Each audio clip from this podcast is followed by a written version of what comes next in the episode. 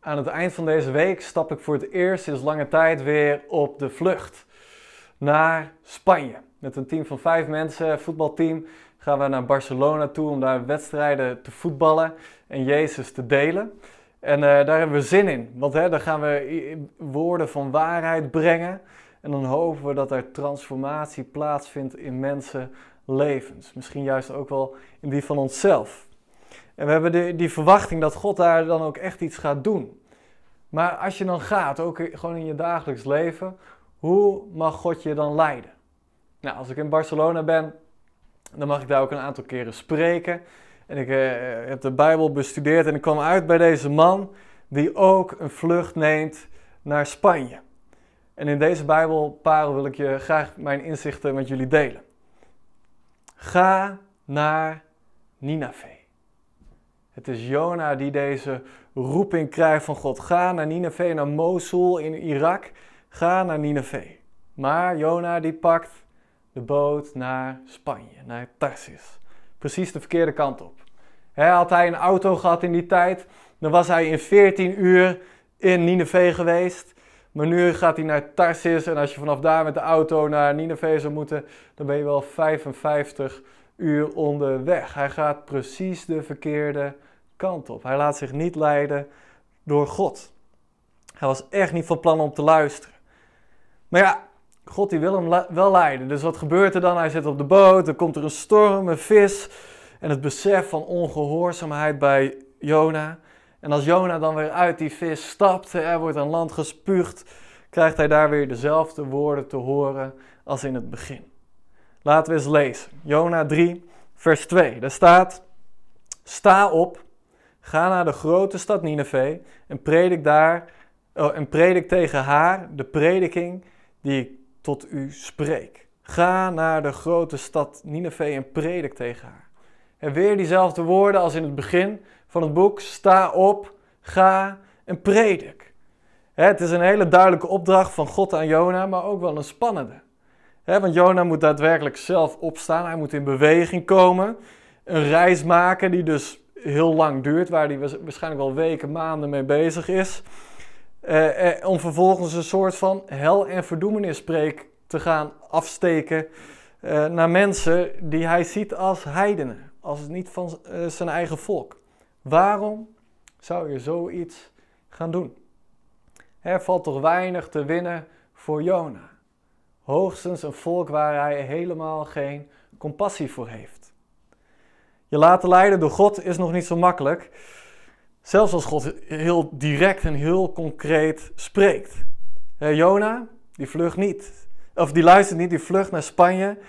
En als iemand zo hard wegrent van jouw leiderschap, hè, dan kan je je gaan afvragen: is dit wel de juiste persoon? Of doe ik iets verkeerd?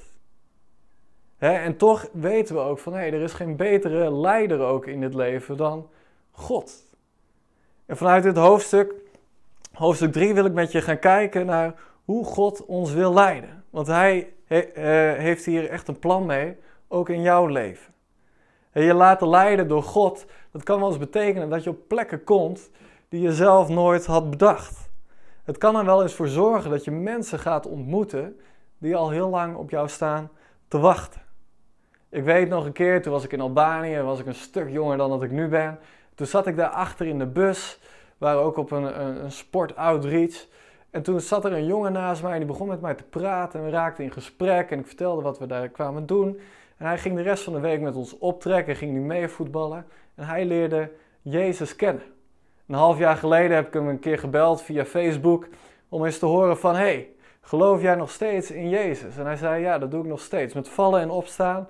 Maar Jezus is nog steeds een belangrijk deel van mijn leven. Als God jou gaat leiden, dan kom je mensen tegen die er ook al klaar voor zijn.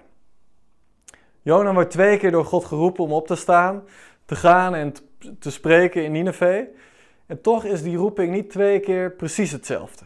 En dat maakt het wel interessant, hè? die kleine verschillen. Dus laten we die twee momenten er eens bij pakken. In eerste instantie hoofdstuk 1, vers 2. Daar staat: Sta op, ga naar de grote stad Nineveh en predik tegen haar, want hun kwaad is opgestegen voor mijn aangezicht. De eerste keer dat Jona wordt geroepen, krijgt hij van God de reden te horen waarom hij wil dat Jona die kant op gaat. God zegt duidelijk: Ik zie hem kwijt, ik zie de verkeerde dingen die ze doen. En Simon Sinek, ik weet niet of je hem kent, die heeft het vast van God geleerd, denk ik dan. Leiden vanuit het waarom. Waarom wil God je leiden naar een specifieke plek of in een bepaalde situatie? En God geeft hier het perfecte voorbeeld. Waarom wil ik dat Jona gaat opstaan en gaat spreken? Omdat het kwaad is opgestegen tot voor mijn aangezicht. Dat is wat God zegt. op een plek waar heiligheid is, daar komt kwaad. En dat kan niet. Dus daar is een diepere motivatie om Jona op pad te sturen. ik stuur je niet zomaar op een leuk reisje. Nee, het dient een hoger doel. Wil jij je laten leiden door God? Begin dan maar eens met hem te vragen waarom hij jou op deze plek heeft gezet in het leven.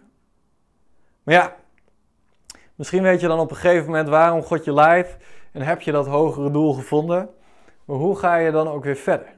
Laten we kijken naar het tweede moment van roeping bij Jona. 3 vers 2. Ik las hem net ook al een keer voor. Daar staat: Sta op, ga naar de grote stad Nineveh en predik tegen haar de prediking die ik tot u spreek.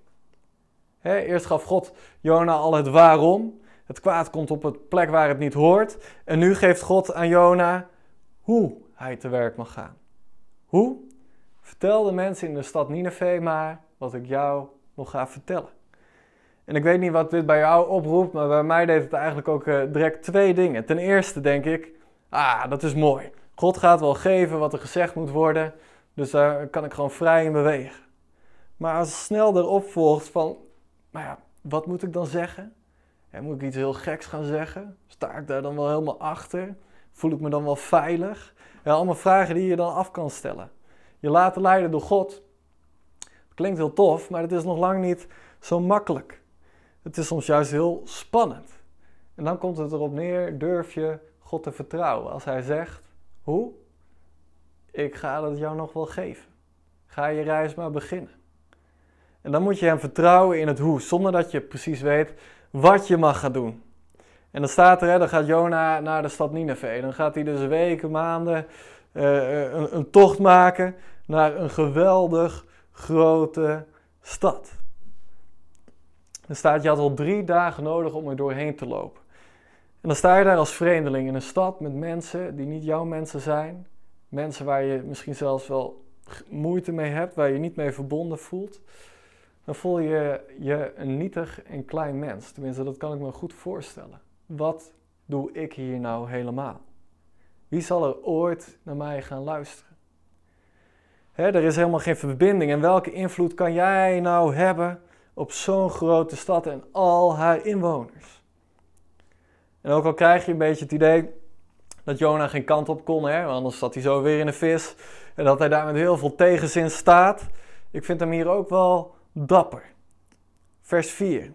En Jona begon de stad in te gaan, één dagreis. Dus hij was op een derde eh, de stad ingegaan. En dan staat er, hij predikte en zei, nog veertig dagen en Nineveh wordt ondersteboven gekeerd. Jona krijgt van God te horen wat hij moet spreken. En dat doet hij. in eerste instantie lijkt het een boodschap van vernietiging. Maar uiteindelijk, en dat weten we ook, is het ook een boodschap van transformatie. Durf jij te veranderen? En als God de leiding neemt, dan mogen we ook weten dat er iets gaat veranderen. En dan is het aan mensen of dat goed of slecht is, want we hebben nog altijd onze eigen keus. Dus wat gaat veranderen, dat staat niet eens per se vast. Maar als God gaat leiden, dan gaat er iets veranderen. En mijn vraag aan jou is dan ook: wil jij je laten leiden door God? Durf jij dat aan? hij weet wel hoe dat moet en wat er, voor nodig is. En als je dat zou willen, dan wil ik je eigenlijk uitdagen om te beginnen met die vraag: waarom? Waarom heeft hij mij op deze plek gezet? Zegen.